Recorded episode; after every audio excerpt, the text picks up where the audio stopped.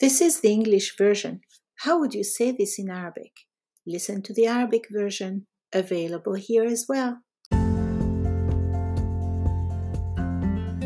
I was really upset to realize this morning, on my way to the shower after my aqua gym class, that I had forgotten my towel.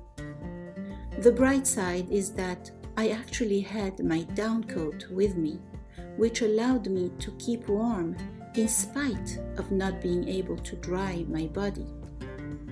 It also made it easier for me to get to the car in this freezing weather.